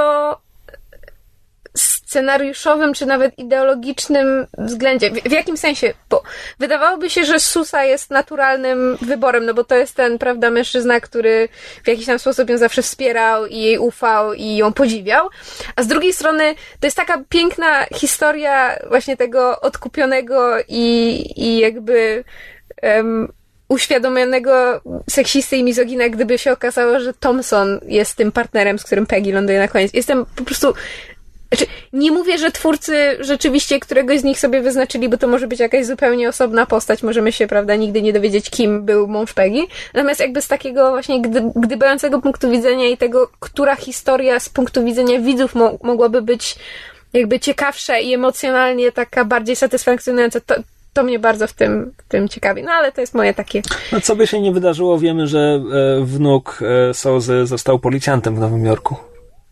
Enver Gyokai ma mikroskopijną rulkę w Avengers jako policjant. A rzeczywiście. Ale ja zapominam, że Richard Army też grał złego w pierwszym Kapitanie Ameryce, więc wszystko jest możliwe. Którego? Um, tego, um, co ucieka z... E, no tego z laboratorium i potem Steve go ściga, co wpada w taksówkę i w witrynę i wyrywa drzwi. A, dobra. Okay. Tak, co potem lądują w, tam w porcie. No to właśnie tego złego gra Richard Army też. Tego mało ważnego, złego z początku filmu. Tak, ale okay. fanki, fanki e, Majestic Torina bardzo się tym podniecały w swoim eksperymencie. no. To może skoro omówiliśmy kończące się seriale, to może serial, który się zaczął i skończył zarazem, e, przynajmniej w sensie sezon. E, mowa oczywiście o House of Cards. Ja od razu zaznaczę, że jestem dopiero po siedmiu odcinkach. No więc ja skończyłem ten sezon. Nie życzę sobie spoilerów z drugiej połowy. Nie, nie, nie, nie będę, nie będę nic spoilerował, absolutnie. To czekaj, to może, może ja zacznę, ponieważ znam tylko pierwszą połowę, to potem no, ty możesz dobrze. po mnie dokończyć, więc jest dziwnie, jest, jest inaczej, coś się zmieniło i musiałbym się przekopać przez listy twórców, czy, czy wymienili zespół scenarzystów, czy po prostu ze względu na zmianę okoliczności, jeśli ktoś nie oglądał drugiego sezonu, to nie będę mówił, ale okoliczności się zmieniają. E, I tak jak przy pierwszych dwóch sezonach żartowałem, że to jest West Wing pozbawiony krzty optymizmu i, i dobrej woli, mm. tak teraz to jest po prostu stuprocentowo opis tego ser serialu. A, ale coś się zmieniło i w tym sezonie praktycznie, no powiedzmy co drugi odcinek nie rozumiem, co robią scenarzyści i nie rozumiem, czemu służą pewne zabiegi. I w trzecim odcinku pojawia się e, pojawia się rosyjski prezydent. Nie z to nie spoiler. Pojawia się rosyjski prezydent, który jest świetnie napisany, świetnie zagrany przez Larsa Mikkelsena i po prostu cały ten odcinek, cały ten odcinek oglądałem po prostu e, jak to się mówi, na szpilkach, no w szpilkach, nie wiem. W każdym Przecież, razie... Już o to kiedyś pytałem przy jakiejś innej okazji, ale czy Lars Mikkelsen i Mats Mikkelsen... To są bracia. Z, tak. To są bracia, dobrze. To są bracia. Ruth Mikkelsenów radzi sobie prężnie w Hollywoodzie. E... Znaczy, Lars Mikkelsen jest trochę kameleonem, ale... Znaczy, to jest właśnie na zasadzie, że ponieważ mają to samo nazwisko, to doszukuje się tego podobieństwa, ale okay, gdyby nie rozumiem. mieli, to bym nie zauważył. Dobra. No w każdym razie, więc Odcinek, w którym debiutuje rosyjski prezydent jest rewelacyjny, jest na poziomie najlepszych odcinków pierwszego, drugiego sezonu. A potem parę odcinków później on się pojawia po raz drugi i aktorsko wciąż jest super, ale po prostu wydawało mi się, że jest pisana jak kompletnie inna postać. Zupełnie mi się nie zgrywały te dwa odcinki, kompletnie. I, i nic z tego nie tłumaczyło. Ja mam wrażenie, że oni próbowali pokazać właśnie, no ponieważ to jest e, to jest Putin. To jest Putin. E, to, nazywa się Petrow, ale to jest Putin. Tak, to jakby chcieli pokazać z jednej strony tego Putina, którego znamy z mediów, jako twardego e, przywódcę, który jakby traktuje wszystko jako sprawę honoru i, e, i absolutnie nie daje, nie daje w jakikolwiek sposób poznać że jakiejkolwiek słabości, a z drugiej strony chcieli pokazać człowieka za tym wszystkim, który jest w miarę ludzki, tylko że zrobili to na zasadzie, że raz jest taki, raz jest taki i to I to I się nie zgrywa. Tak, nie zgrywa okej. się w jedną postać. Znaczy, jedno, jedno, co muszę im um, powie, powiedzieć, że dobrze im bardzo dobrze wyszło, to jest przedstawienie rosyjskiej wizji świata. Na tej zasadzie, że ponieważ jest wątek wysłania kontyngentu pokojowego do Doliny Jordanu, więc pokazanie, że z, z rosyjskiej perspektywy to jest praktycznie ich podwórko i że to nie jest misja pokojowa, tylko to jest amerykańska baza tysiąc kilometrów od jej granic, e, to było fajne. To było fajne. Jakby mieli trochę więcej jaj, to by po prostu mówili o Ukrainie, ale spoko. Mhm. Mogę, mogę mieć Bliski Wschód jako temat zastępczy. A, więc są rzeczy, które wypadają fajnie. Są rzeczy, których, do których wciąż nie jestem przekonany. Praktycznie wszystko, co się dzieje z Claire w tym sezonie jest dziwaczne. Oj. Jest po prostu, po prostu dziwaczne. To, jak to mówią Amerykanie, nie, nie wiesz, że się urodziłeś. Bo to jeszcze, to, to, to, do, do, do obejrzyj to do końca. Okej, okej, no więc po siedmiu odcinkach momentami to wciąż jest świetny serial, momentami to jest świetny serial, ale nie ten serial, który oglądałem rok temu i dwa lata temu, a momentami jest momentami po prostu nie gra. Po prostu nie gra i i dlatego ogólnie po siedmiu odcinkach jest po prostu słabsza od poprzednich sezonów. A z perspektywy obejrzenia całości Znaczy, mój największy problem z tym serialem jest taki, że ja się w nim nie doszukałem historii. Czy tam jest wiele różnych historyjek po, po drodze, jest wiele fantastycznych scen, e, właśnie fantastycznie wykreowanych postaci, e, wielokrotnie jakby relacji między nimi, e, właśnie i w ogóle wątek Petrowa jest bardzo fajny, a się jeszcze później, wiesz, pojawia z, e, parokrotnie i jest, jest interesujący właśnie jako ukazanie tej rosyjskiej wizji świata, tak jak mówiłeś, em, i postaci, postaci przywódcy, jakim jest Putin, jest interesujący i fajnie się to ogląda jest rzeczywiście niesamowicie zagrany. Bardzo mi się podoba Lars Mikkelsen w tej roli.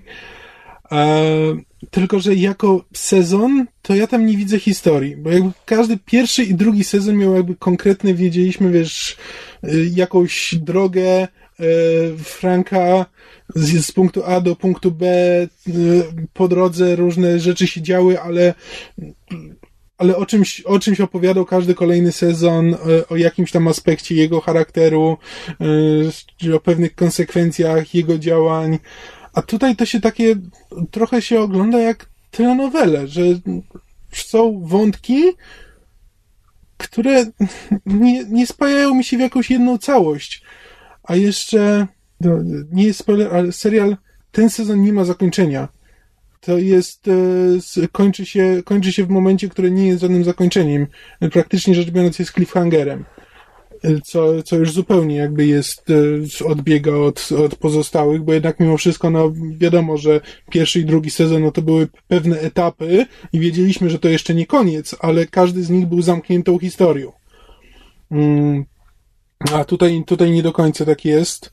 No jakby właśnie mam wrażenie, że chcieli dać Claire em, zrobić ją przynajmniej równorzędną bohaterką serialu, jeśli nie wręcz e, Jeśli- jeśli główną mogę bohaterką tego sezonu. Jeśli mogę wejść w słowo, ona była równorzędną bohaterką w pierwszych dwóch sezonach. Problem w tym, że po zmianie okoliczności w sezonie trzecim z, z, z tej poprzedniej pozycji już, już nie mogłaby. Nie Tak. mogłaby brać udziału w, w wydarzeniach. Tak, więc właśnie takie bardzo mocno rzucają nią i mm, podejmuje różne dziwne decyzje i to takie, które właśnie nie współgrają ze sobą, jakby nie wynikają z tego, z tego samego charakteru, tylko wydają się być trochę maniakalno-depresyjne, że nagle e, raz jest zimna i skalkulowana, raz jest emocjonalna e, i ciężko, ciężko czasami stwierdzić właściwie kiedy, co z czego wynika. E, Rozmawiałem dzisiaj ze swoją siostrą o serialu. Ona też już obejrzała całość, więc wiedziała więcej ode mnie.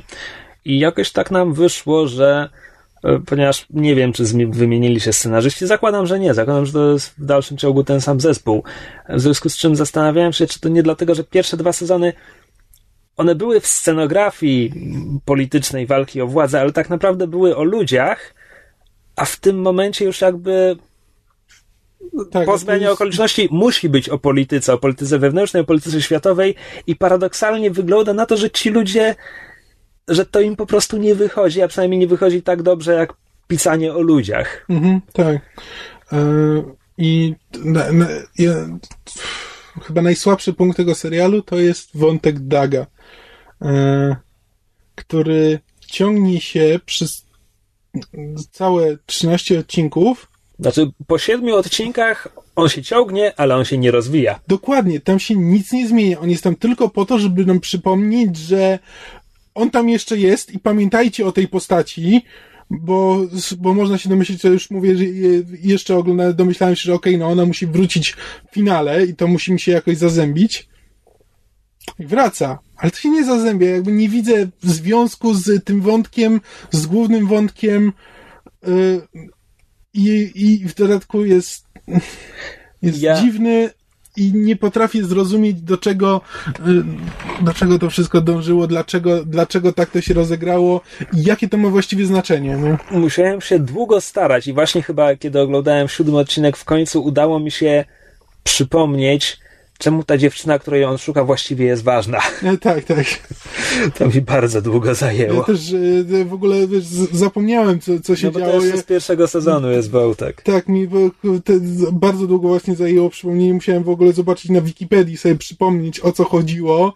Yy czemu on jest tam, gdzie jest, czemu on jej szuka, czy, o co chodzi, ale bo kompletnie zapomniałem.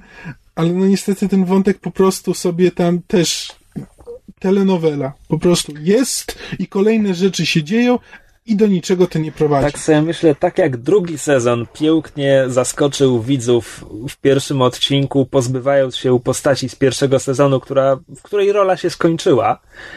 Wydaje mi się, że tutaj zabrakło tej chęci, żeby, żeby pożegnać się z Dagiem. Nawet niekoniecznie mhm. w ten sam sposób, tylko po prostu uznać, że już nie ma co tak. o nim opowiadać. Tak, że jest dużo innych postaci, e, wcale by go nie brakowało. E, by spokojnie. Bo na przykład cierpi na tym, moim zdaniem, ten e, jego zastępca u, u boku Underwooda, tak. Seth, który debiutował w poprzednim sezonie ja wciąż nie wiem, czy on właściwie ma jakiś charakter. W sensie. Tak, on tam po prostu sobie jest i. No.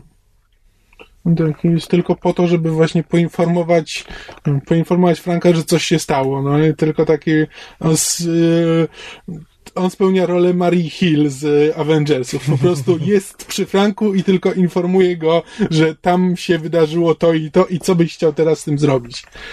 No dobra, e... czyli mówisz, mówisz, że nie będzie lepiej w tych ostatnich sześciu odcinkach? Moim zdaniem nie. Jestem, za...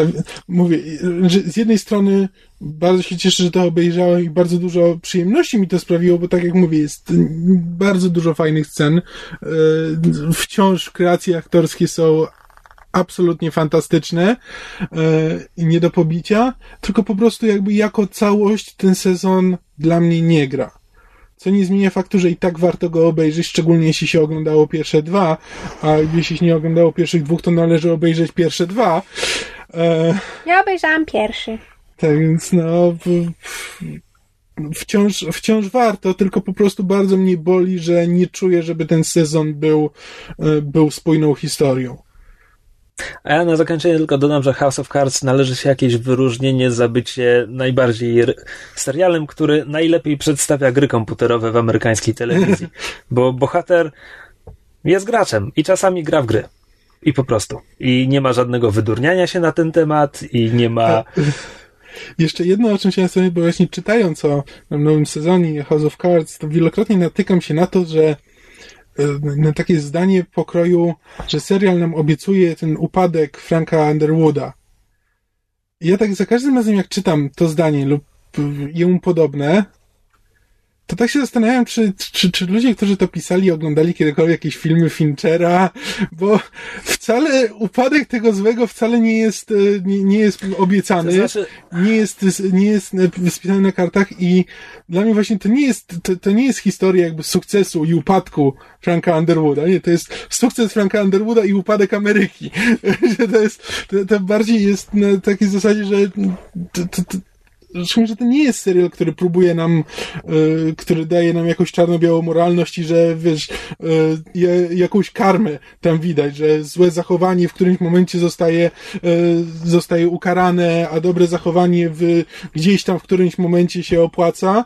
No nie, tutaj po prostu się dzieją rzeczy i możesz być dobrym człowiekiem i przydarzać się złe rzeczy, mogą być złym człowiekiem i przydarzać się złe rzeczy, może być złym człowiekiem i przydarzać się dobre rzeczy. Kombinacji jest bardzo dużo. Wcale to nie jest, wcale to nie jest jednoznaczne, że zobaczymy upadek Franka Underwooda i wręcz wcale bym się nie zdziwił, że w pewnym... W, znaczy, w pewnym momencie jego upadek będzie naturalną, naturalnym kierunkiem dla historii. Nie, no tak, jakby trochę go obserwujemy, jakby jest dużo, nawet w tym sezonie jest jakby ja bardzo tylko... dużo rzeczy, których, które jakby mocno go musiały zaboleć i jest sporo rzeczy, które na pewno, e, których na pewno będzie żałował i jakby pewna kara go za to spotka, ale też tak, nie ja, spodziewałbym sobie... się takiego, że w którymś momencie zobaczymy, jak on już jest na samym dole. Tylko no... tak, właśnie tak, ja się spodziewam, że historia do tego dąży, natomiast serial po prostu może, a może nawet powinien skończyć się wcześniej. Mm. No dobra, chyba wystarczy o House of Cards. Wystarczy. Myszu, siedzisz cicho w kąciku. Siedzę cicho w kąciku, bo ja w tym tygodniu e, wyjątkowo mm, nie jak na siebie, chociaż nie wiem, może jak na mnie, e, nie oglądałam nic nowego. Głównie naganiałam różne seriale z gruntu, mm, takie, których wy nie oglądacie. Natomiast e, z takich średnio ciekawych rzeczy zależy jak dla kogo. Wybiórczo nadrobiłam, znaczy nie, wybiórczo ponownie obejrzałam pewne filmy z filmografii Ryana Reynoldsa, do którego my z Kamilem jakby współdzielimy sympatię jako chyba jedni z niewielu osób na planecie, bo to jest jeden z tych, mam wrażenie, aktorów jak e, Colin Farrell albo Channing Tatum, że, że z zasady we wszystkich wywołują niechęć, jeśli nie agresję. Ryan, Ryan Reynolds ma niestety tego pecha, że e, brał udział w dwóch fatalnych filmach. Znaczy właśnie, że większość jego wpadek jest w tych mainstreamowych filmach. Tak. Natomiast a, a fajne kreacje ma w tych indie. Mm. E, więc jakby właśnie dużo osób nie widzi tego, jak, jak fajny on potrafi być, jak zabawny e, i że rzeczywiście jest dobrym aktorem. No więc ja właśnie sobie oglądałam jego co lepsze występy w filmach niezależnych, bo przygotowuję się do notki. Mam nadzieję, że jak już ten odcinek wyjdzie, to już będzie wisieć gdzieś na blogu. Um, i, I właśnie jakby polecam, jeżeli ktoś chciałby się do Reynoldsa przekonać, albo po prostu chciałby sobie obejrzeć parę naprawdę fajnych filmów, e, to warto, warto jego filmografię przejrzeć i, i zwłaszcza The Voices, które, które polecałam w ostatnim odcinku, teraz, teraz jest w kinach, więc można się wybrać. A nawet serial Oni, Ona i Pizzeria. To nie jest niezależna produkcja. Nie, nie. I jedna z jego najlepszych ról, ale to jest jego taki największy debiut i rzeczywiście to Czekaj, jest moment, tam, w którym go wszyscy poznali. Tam też Nathan Fillion grał? Tak. Tak. Hmm. tak. Chyba w jednym sezonie, czy może dwóch. On. Chyba tak, chyba w jednym, w drugim sezonie się, się dopiero um, stał regularnym członkiem obsady, tak myślę. Czy w trzecim. No w każdym razie od no pewnego tak. momentu gra. Um, natomiast tak, Reynoldsa można właśnie w, w The Voices zobaczyć.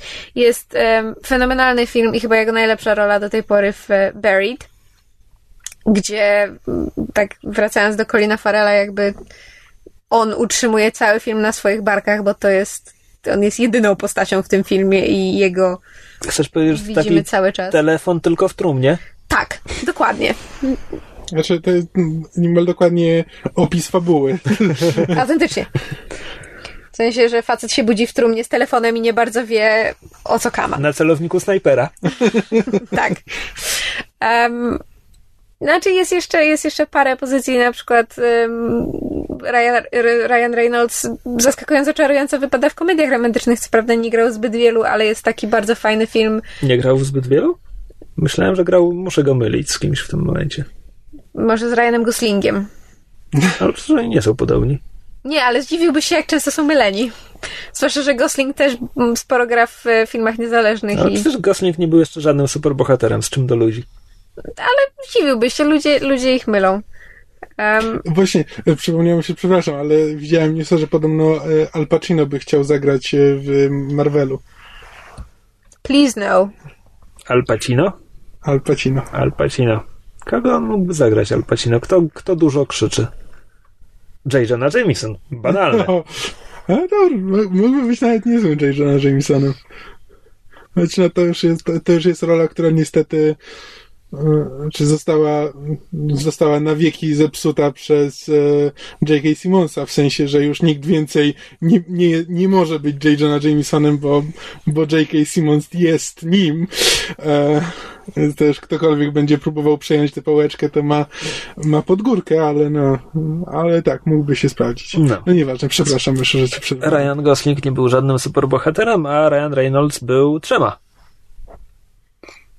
Green Lantern, tak. Deadpool i Hannibal King w blendzie.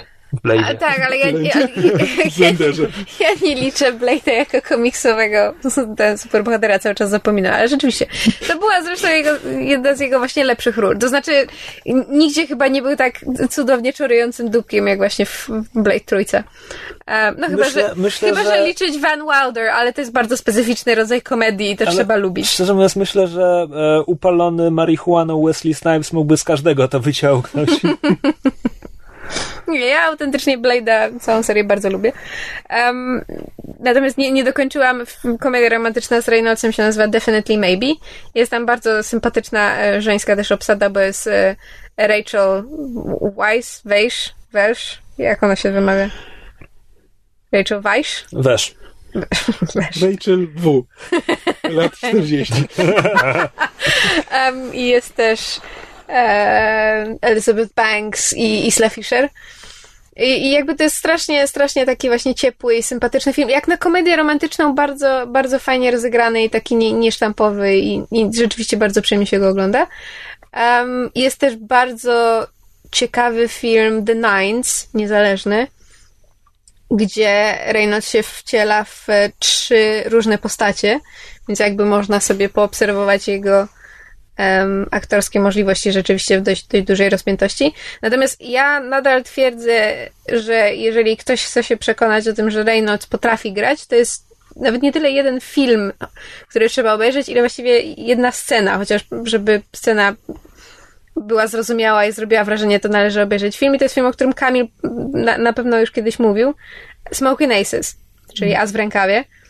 Pomijam, że jest to naprawdę strasznie fajny film, szalenie rozrywkowy i świetnie się go ogląda i, i można, że tak powiem, go oglądać po, po kilka razy i się nie nudzi. I jeżeli komuś się właśnie ostatnio podobało Kingsman, albo komuś się podobał John Wick, albo ktoś lubi w ogóle filmy Wona, no to to jest właśnie w tego typu klimatach bardzo, bardzo fajny film. Czy jeśli komuś się The Losers podobało, em, to, to warto obejrzeć. Natomiast w finale filmu jest scena, która jakby rozgrywa się tylko i wyłącznie w zbliżeniu na, na twarz Reynoldsa.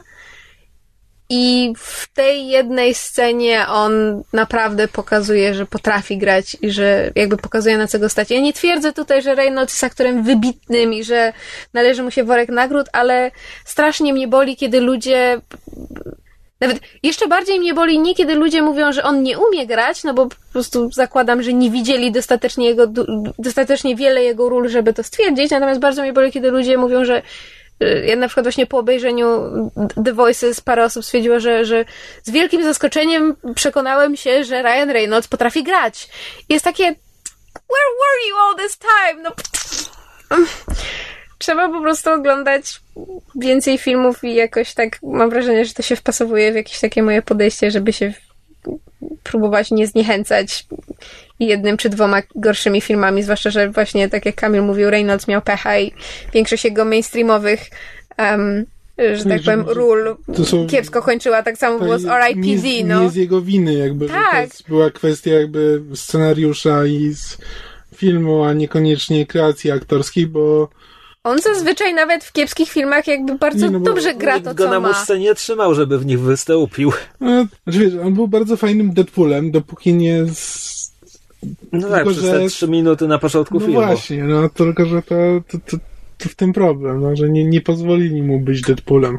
No Tak, ale właśnie wiesz, takie rozmowy, bo ludzie teraz y, w związku z tym, że Deadpool ma, ma powstać i że, że Reynolds ma go grać, to ludzie właśnie kręcą nosem pod tym, że nie, że on przecież grał Deadpoola w tym beznadziejnym Wolverine i to był beznadziejnym Deadpoolem.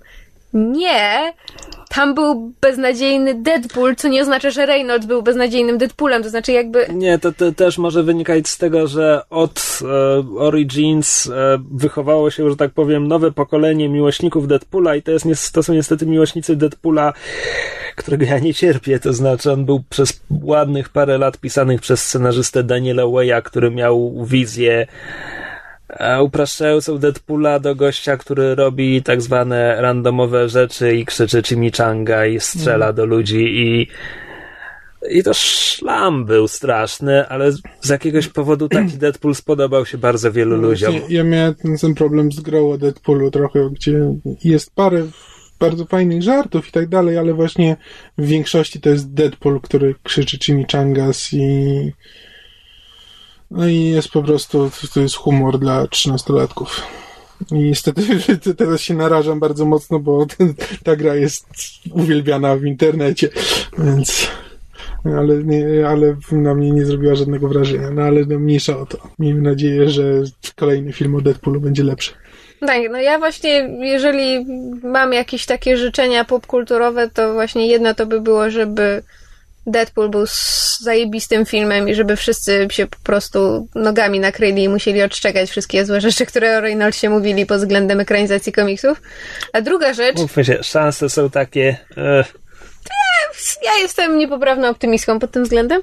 Natomiast druga rzecz, którą mu życzę, to um, dwa dni temu chyba w, do sieci wszedł trailer do filmu Selfless, w którym Ryan Reynolds gra um, znaczy jedną z głównych ról, główną rolę. Głównego bohatera, Selflessa.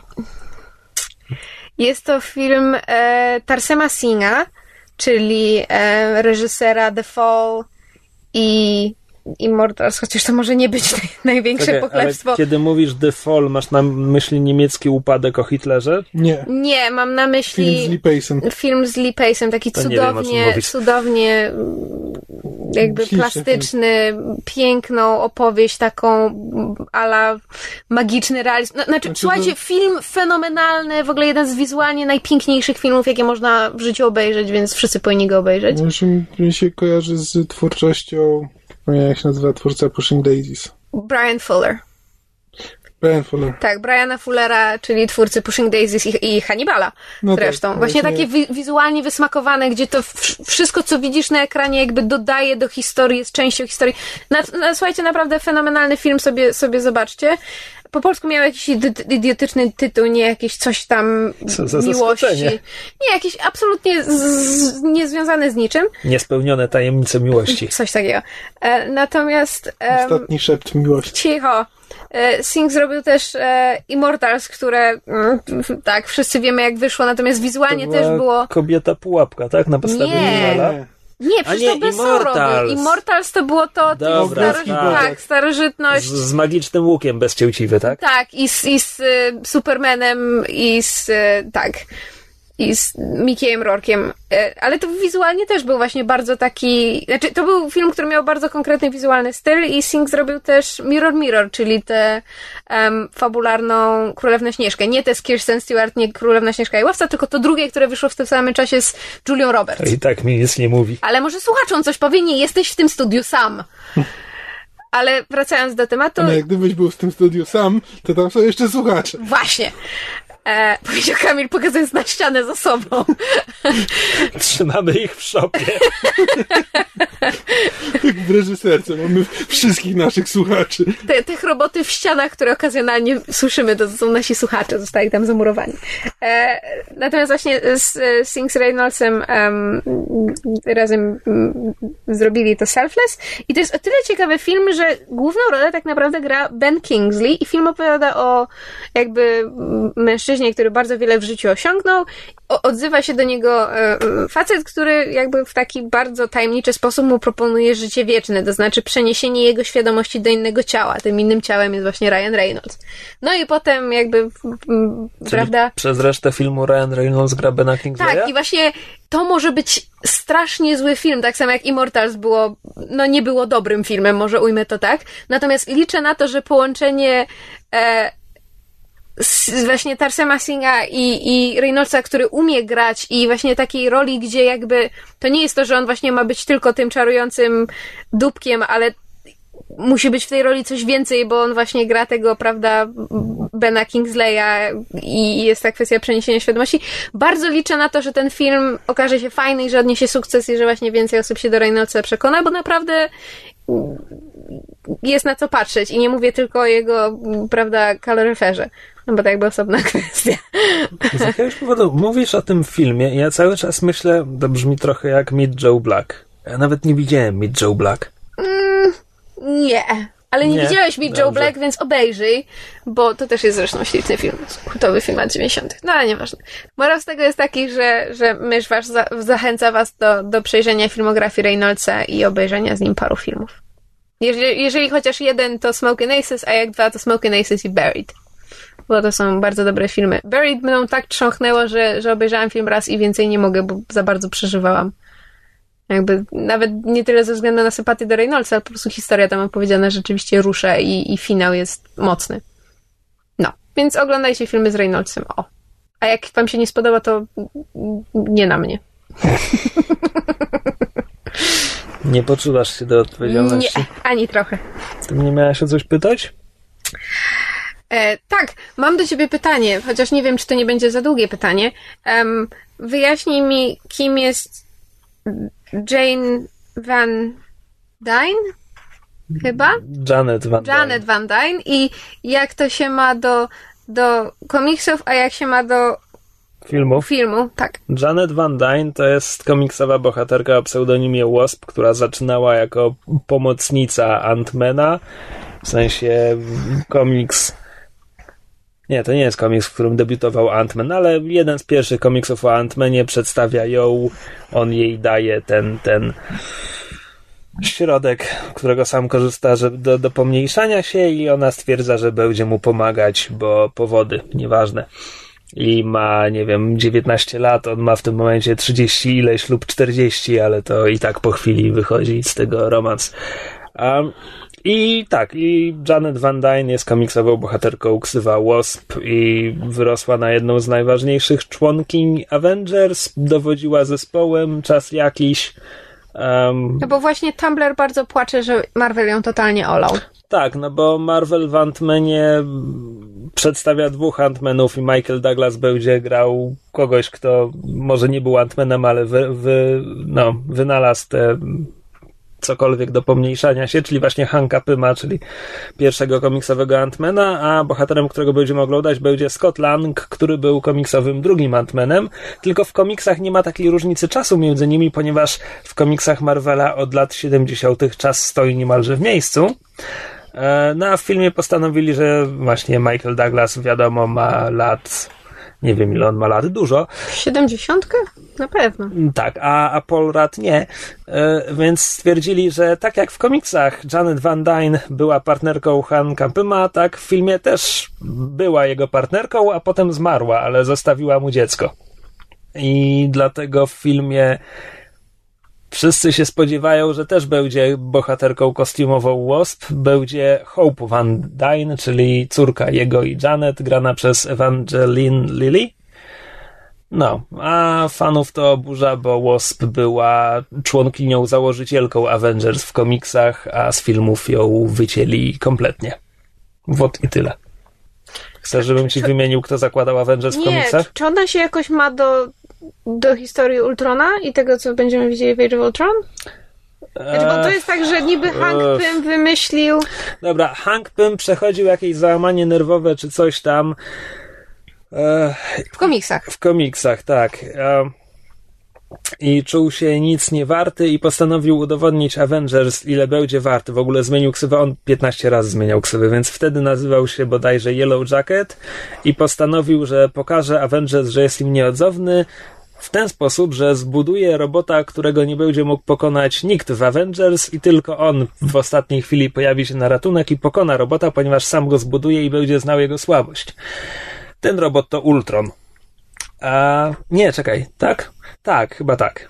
E, teraz mi się pomyliło, bo potem kolejne wersje Pyma budowały robota, żeby pomagał ludziom i Avengers i ten robot się potem buntował. Tak było chyba, tak, tak było w świecie Ultimate i, i tak było w kreskówce ostatniej Avengers Earth's Mightiest Heroes, ale w komiksach to chyba jest ten robot, który po prostu miał zaatakować Avengers, a potem wyewoluował i stwierdził, że podoba mu się i będzie to robił dalej. E, więc to jest to i przy okazji tej afery e, Janet próbowała go zatrzymać i scenarzysta napisał, że się kłócą i Hank odpycha Janet. Rysownik zinterpretował to, że się kłócą i Hank e, zdziela Janet z liścia. I od tego czasu, to jest komiks z lat chyba 80., Hank Pym był znany głównie z tego, że bił swoją żonę. Tak, ale to jakby to jest luźny związek z Ultronem. Potem chyba większy związek z Ultronem jest taki, że Ultron, Ultron miał też obsesje i kompleksy i, i robił sobie mechaniczne dzieci. I na przykład jednym z nich jest Vision, który w komiksach chyba jego, jego umysł jest wzorowany na falach mózgowych Wondermana, jeśli dobrze pamiętam. Nie cytujcie mnie. A jakiś czas później Ultron zrobił sobie jeszcze córkę Jocastę i ona już na 100% była wzorowana na falach mózgowych Janet Van Dyne. A co to było, jak gdzieś czytałam, że albo Ultron, albo Vision był wzorowany na Hanku Pymie i potem się kochał w jego żonie, bo myślał, że jest nim. Czy ja coś A, no bo, no bo tak, no bo Ultron no z kolei był oparty o fale mózgowe Hanka Pyma, bo Hank Pym nie miał innych podrełką. No właśnie, i, i miał fisia na punkcie jego żony, czyli właśnie włos, tak? E, tak, przez moment, tak. Potem była jeszcze koszmarna historia Briana Bendisa, w której Ultron przybiera humanoidalną postać i nie, przepraszam, to było głupie. On chyba w jakiś sposób opanował ciało Starka i w niewytłumaczalny sposób przekształcił je w inną humanoidalną postać, nagiej Janet Van Dyne. Bo tak, bo rysował to rysownik, który lubi rysować kobiety, więc... Tak, no, znaczy, ale czy to jest ta sama storyline, gdzie w pewnym momencie Stark się zamienia w kobietę bez żadnego powodu? To właśnie powiedziałem, to jest tak, to, to jest tak. to. Właśnie nie byłam pewna, czy to to, bo po, po Tumblerze też krążyły, krążyły ilustracje Starka w, w, w, jako kobiety. Innymi słowy, mysz podczytuje różne rzeczy w internecie, a potem Krzysiek tłumaczy, komiksy no, są dziwne. Mogłabyś komiksy poczytać, zamiast czytać w, w internecie ale rzeczy jako, o komiksach. Ale ja mam taką frajdę, jak ty mi tłumaczysz, o co chodziło. Niestety to są akurat Avengers, na których się słabiej znam, więc to wszystko jest takie, wiem, że mogę się mylić.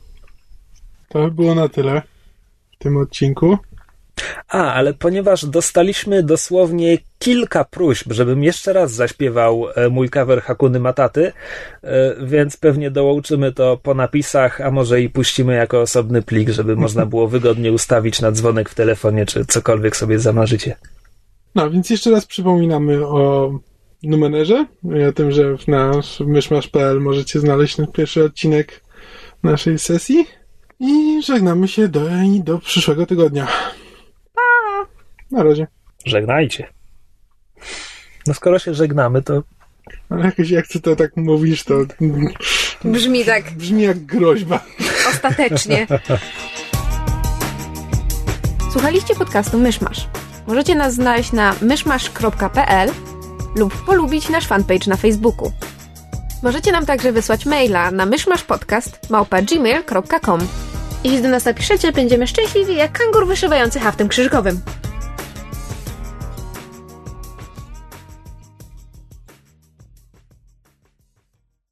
Vagina dentata. Jak cudownie to brzmi. Ta pochwa zębata to nie byle bzik. Już się nie martw, aż do końca swych dni. Naucz się tych dwóch radosnych słów. Vagina dentata